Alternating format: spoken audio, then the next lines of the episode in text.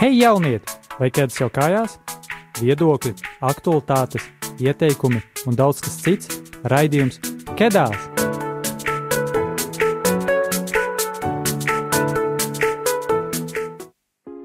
Sveiks, mīļais klausītāj! Ir 4. decembris un pulksten 8. vakarā, un šovakar ar tevi kopā ir jauniešu raidījums Kedās, kā jau katra mēneša pirmajā trešdienā.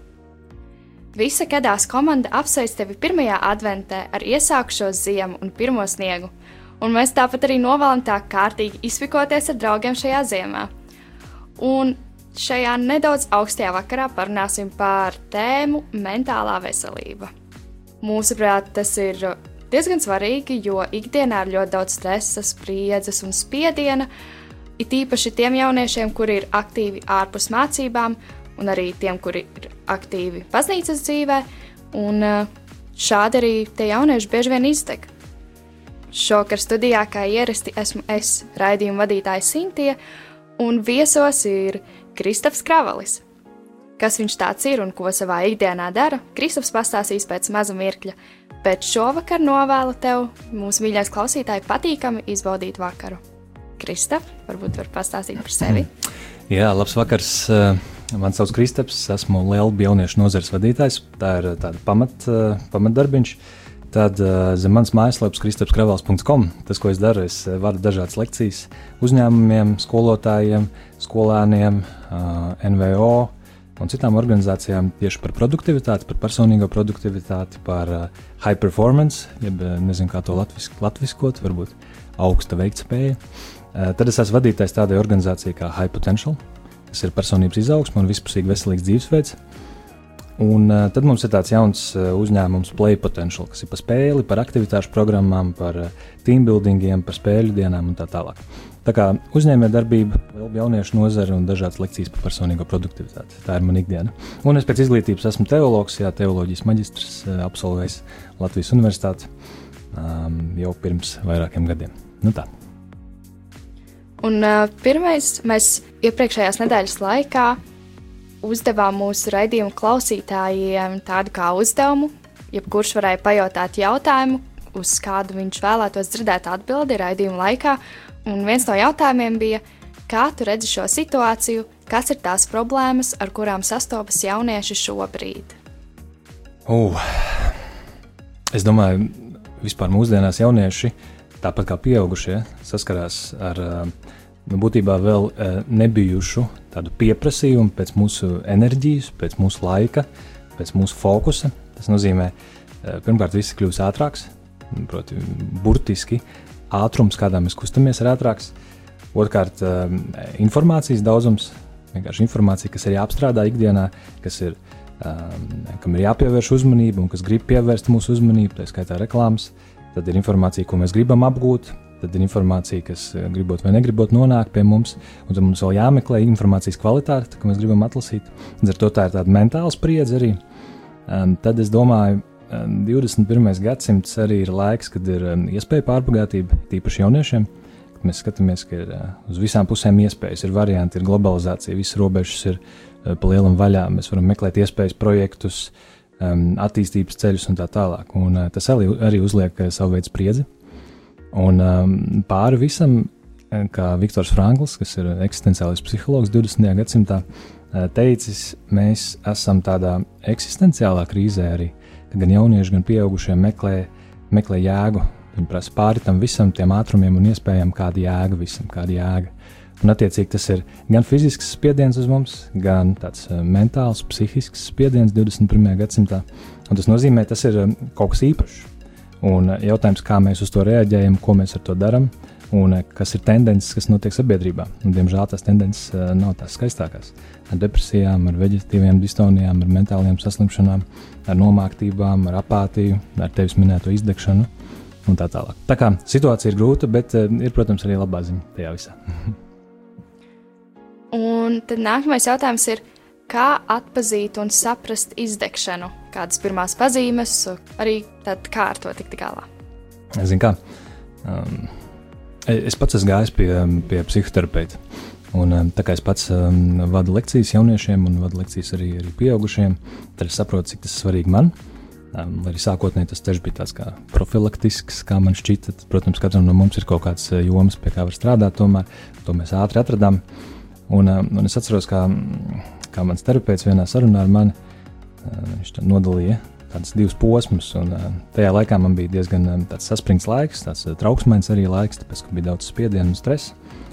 Un viņš teica, tad, kad tavs ķermenis, tav, tav iekšējā balss, tava psihe tev čukstēja, tad tu nedzirdēji un tagad viņi tevi apstādina burtiski fizioloģiski, fiziski. Tu to sajūti ar savu ķermeni. Un tad, kad mēs to sajūtam ar mūsu ķermeni, tad droši vien jau ir bijis nedaudz par tālu. Tad jautājums ir, vai mēs varam pamanīt tos brīžus, kad, kad mūsu brīnišķīgais ķermenis, mūsu prāts, un mūsu emocijas, un, un visa iekšējā pasaule, tā kā Dievs to ir radījis, dod mums čukstus un impulsus par to, ka varbūt kaut kas nav kārtībā, varbūt ir jāpiebremzē. Un, un kas tie ir par čukstiem? Es pieļauju, viens ir uh, viens varētu būt noskaņojums, svārstības, proti, tāds varbūt netipisks, negatīvs sajūtas ikdienā, ar vien biežāk, tāds nesaprotams eh, nomāktības eh, ilgtermiņā.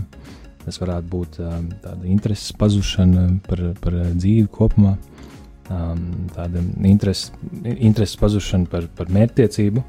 Īsāk sakot, viss, kas ir tādās straujās svārstībās, pēkšņi un ilgtermiņā, un tīpaši uz negatīvo pusi, es domāju, tas ir viens čukstiņš, ko mūsu iekšējā pasaule mums dod. Protams, ir arī citi, bet es teiktu, sākumā mūsu ķermenis mums čukst, un tad viņš jau dod skaidrus signālus, un tad iespējams jau pa vēlu, tad ir pilnībā jānospiež stopkrāts.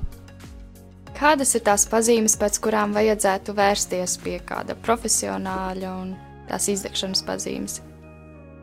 Es, es pirmām kārtām um, neesmu ne terapeits, ne, ne ne psihologs, ne ārsts, bet es no savas pieredzes un no, no darba ar jauniešiem pieredzes varu pateikt, ka es teiktu, viss, kas traucē dzīves kvalitātei, tā ka es to vairs nespēju, ar ko es nespēju pats tikt galā. Ir kaut kādas situācijas, kuras, kuras var apstrādāt, kuras zinu, kā man piebremzēt, kā man pabūt.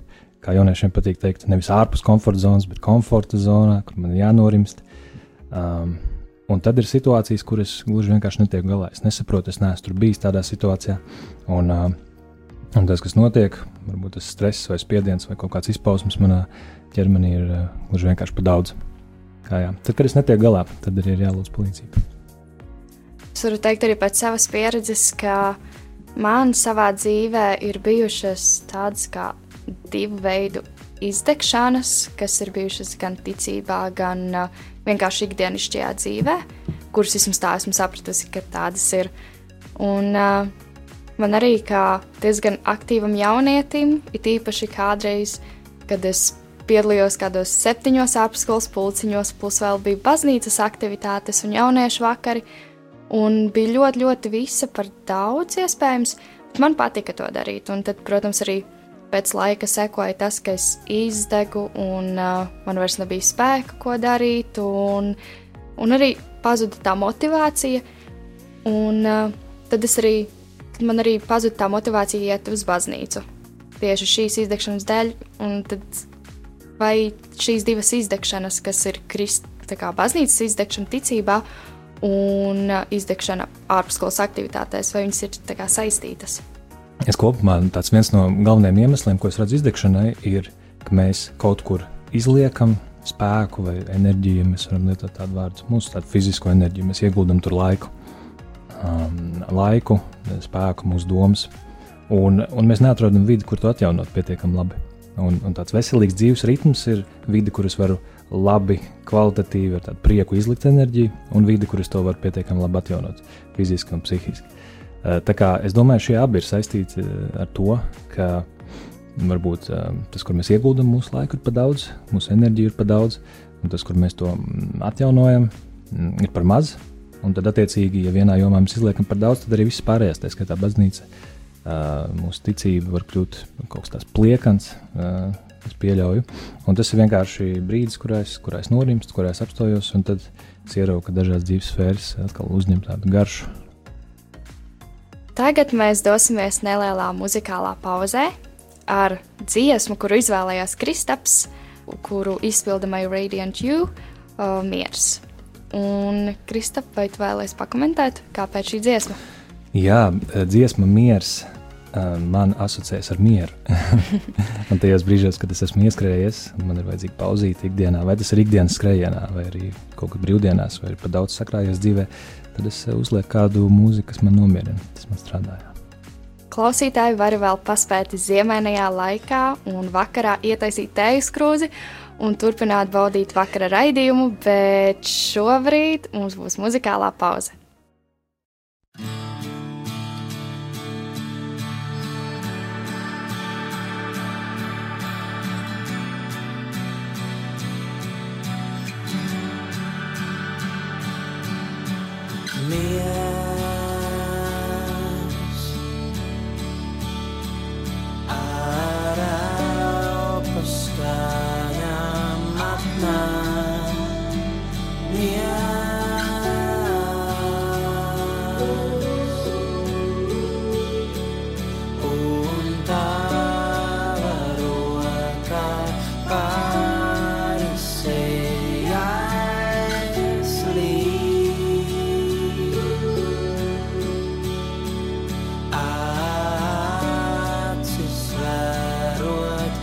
now. Please.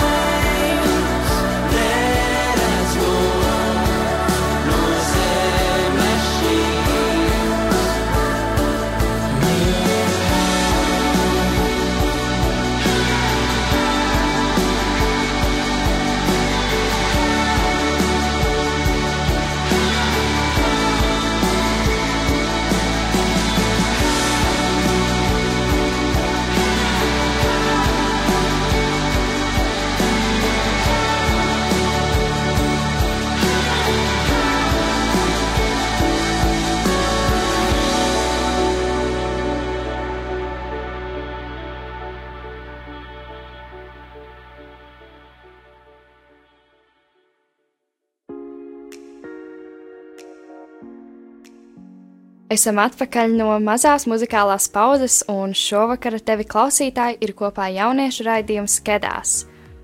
Šī mēneša tēma ir mentālā veselība, un šodien viesos mums ir Kristofs Kravelis. Un, ja tu esi nokavējis raidījumu sākumu, tu droši šo raidījumu vari noklausīties arī Rādio Marija arhīvā.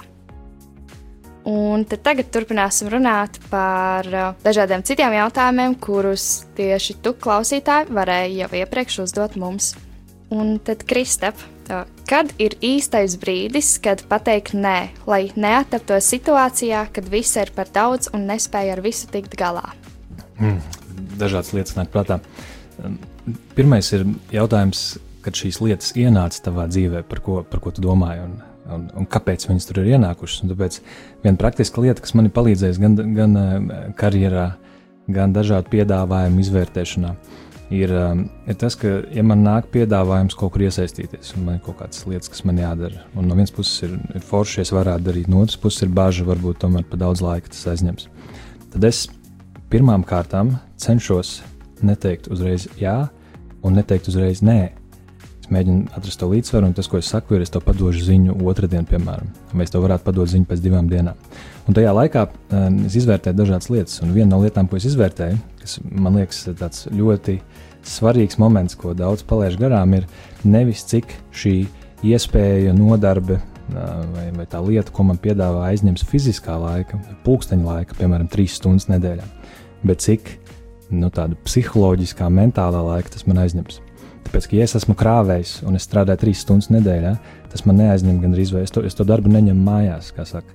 Ja es strādāju, piemēram, kā manā pieredzē, ar uh, savus bērnu ciemata uh, sērojošiem bērniem, kam ir miruši vecāki, um, vienā, vienā projektā ar nosaukumu Kalniem pāri, tad es zinu, pat ja tās ir četras stundas nedēļā, tad iespējams, un tas tā arī bija, šo darbu es ņemšu mājās, un es par to, diemžēl, turpināšu domāt. Varbūt man kaut kā tēli parādīsies bez mazliet sapņos, un es nevarēšu aizmigt, atceroties to vienu puikas stāstu.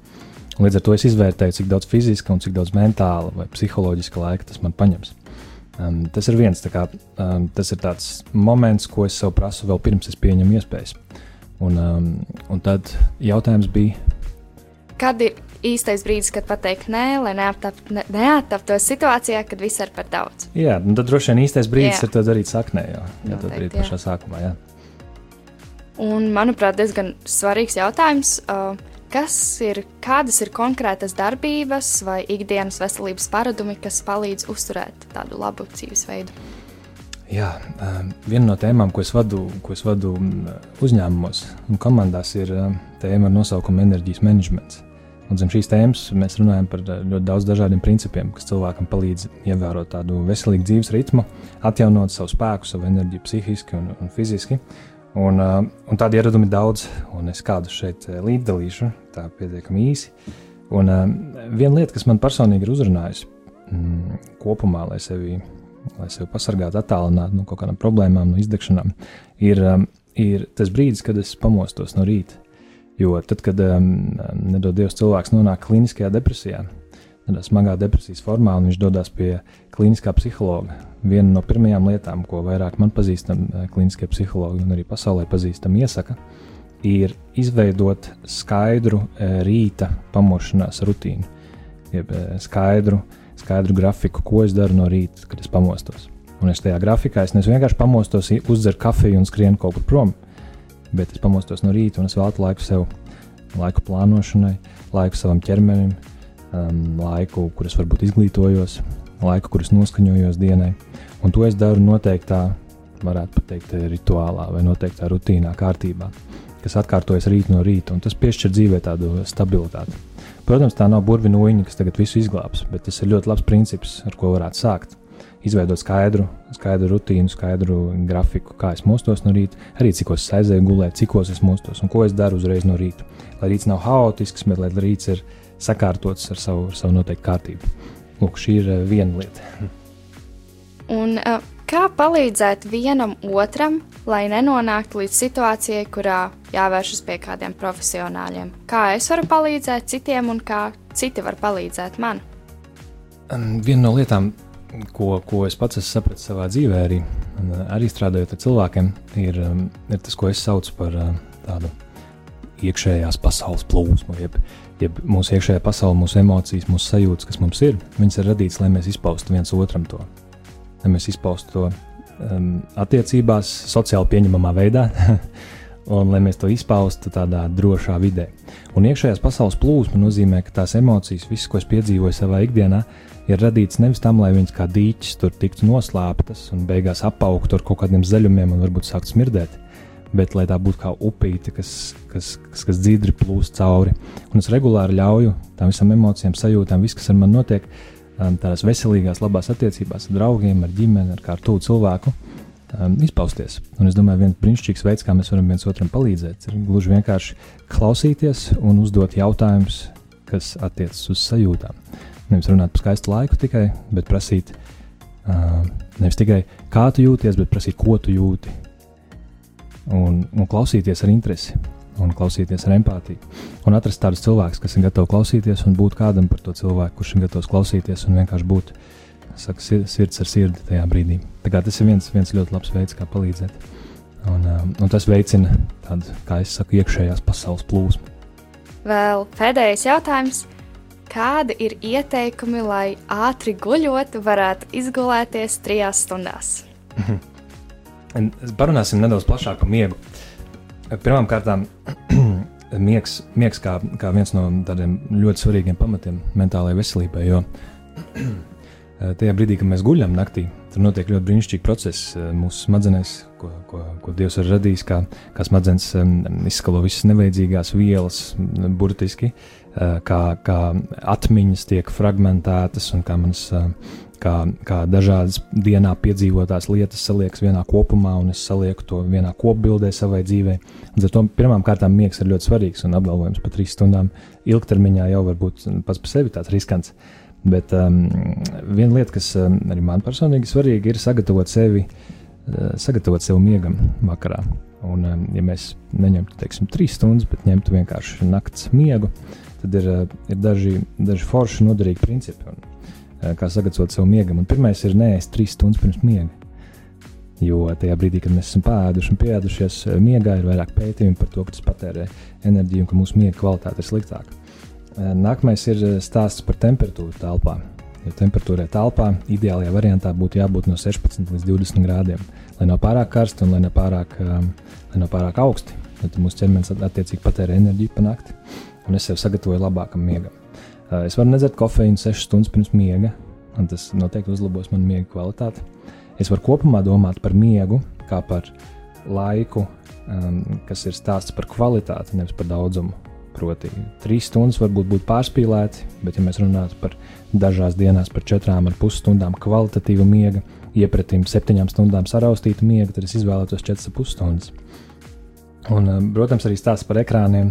Kas jauniešiem ir aktuālāk par eh, zilās gaismas bloķētājiem pirms gulētiešanas, jo tajā brīdī, kad mēs redzam spilgtu gaismu pirms miega, mūsu eh, dabī, dabīgā eh, teiksim, bioķīmija, jeb tāds hormons kā melatonīns, viņš diezgan ierobežot izdalās, tāpēc viņš saskarās ar gaismu. Tad, kad mums smadzenes saņem signālu, ka ir gaisma, tad mēs domājam, ka ārā ir gaišs.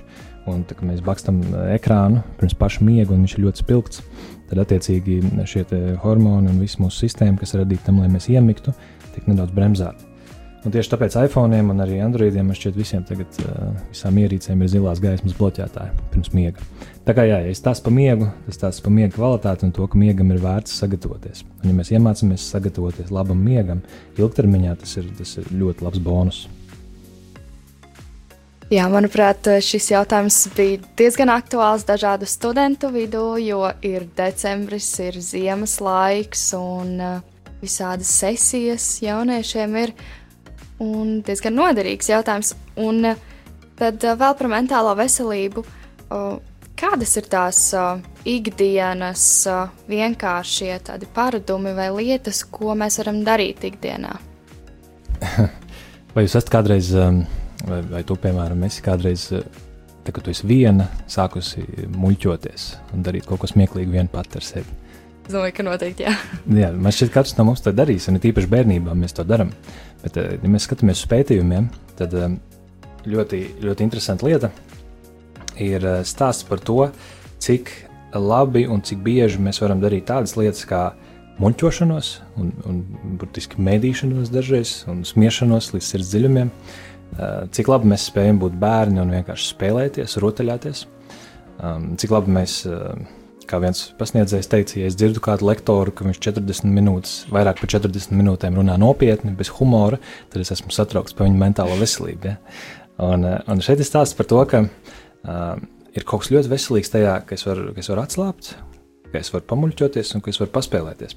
Un par šo spēli runājot, um, es pats esmu pētījis uh, salīdzinoši ilgu laiku Stuarta Brauna pētījumus. Stuarts Brauns um, ir radījis tādu Nacionālo spēles institūtu.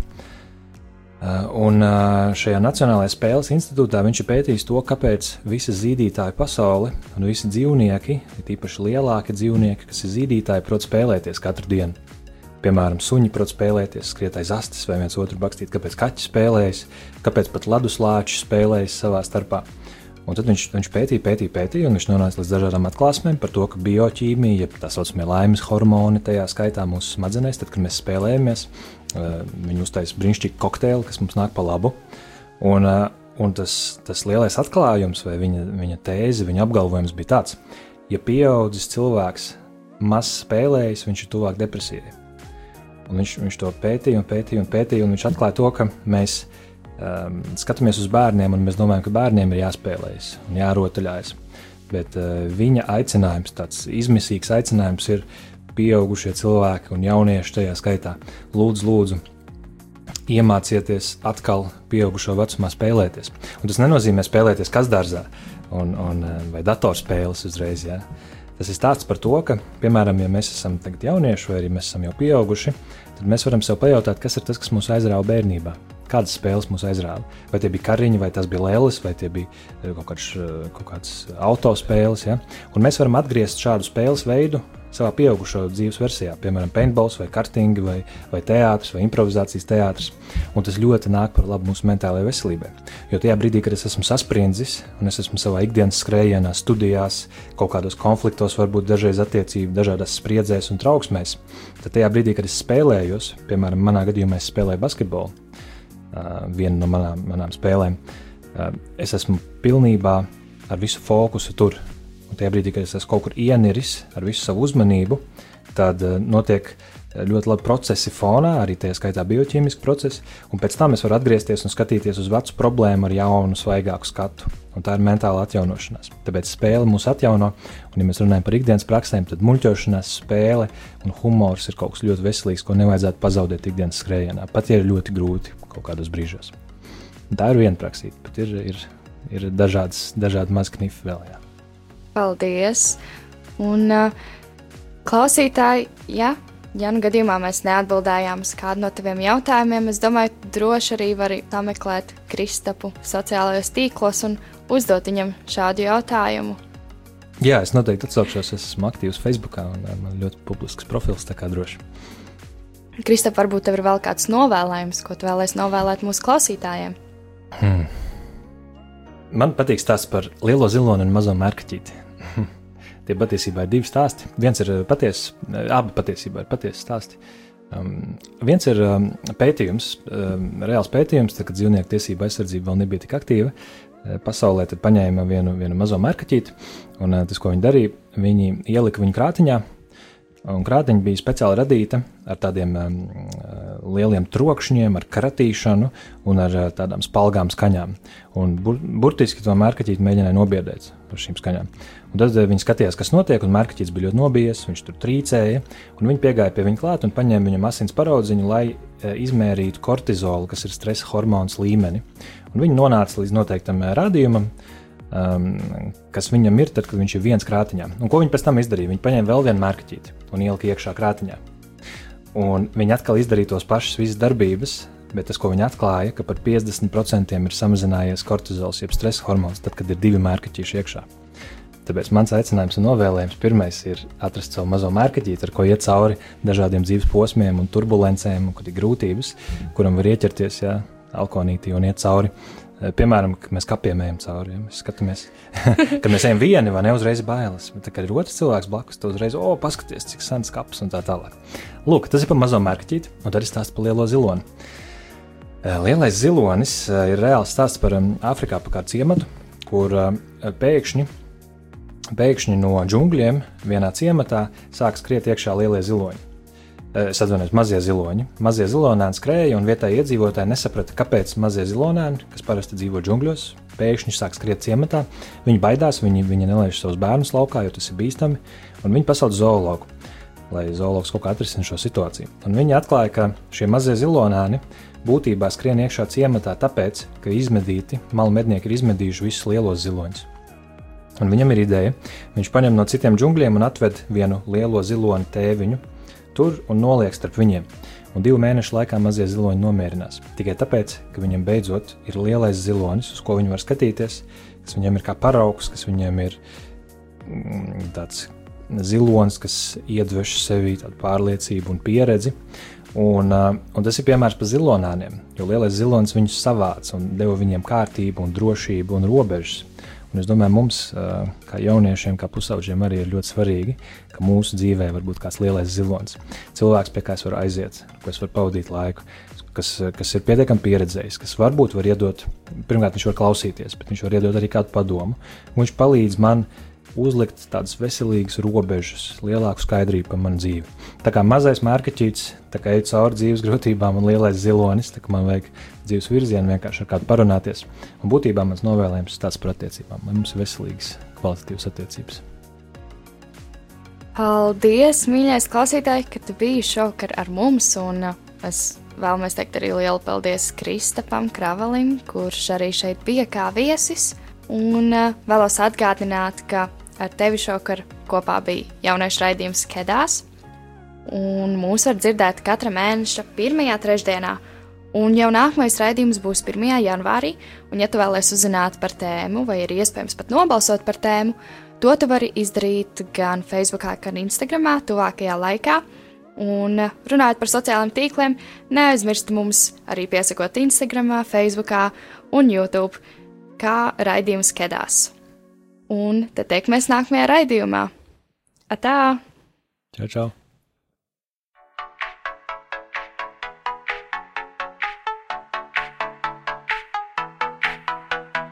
Hei, jaunieti! Vai kāds jau kājās? Viedokļi, aktualitātes, ieteikumi un daudz kas cits - raidījums Kedās!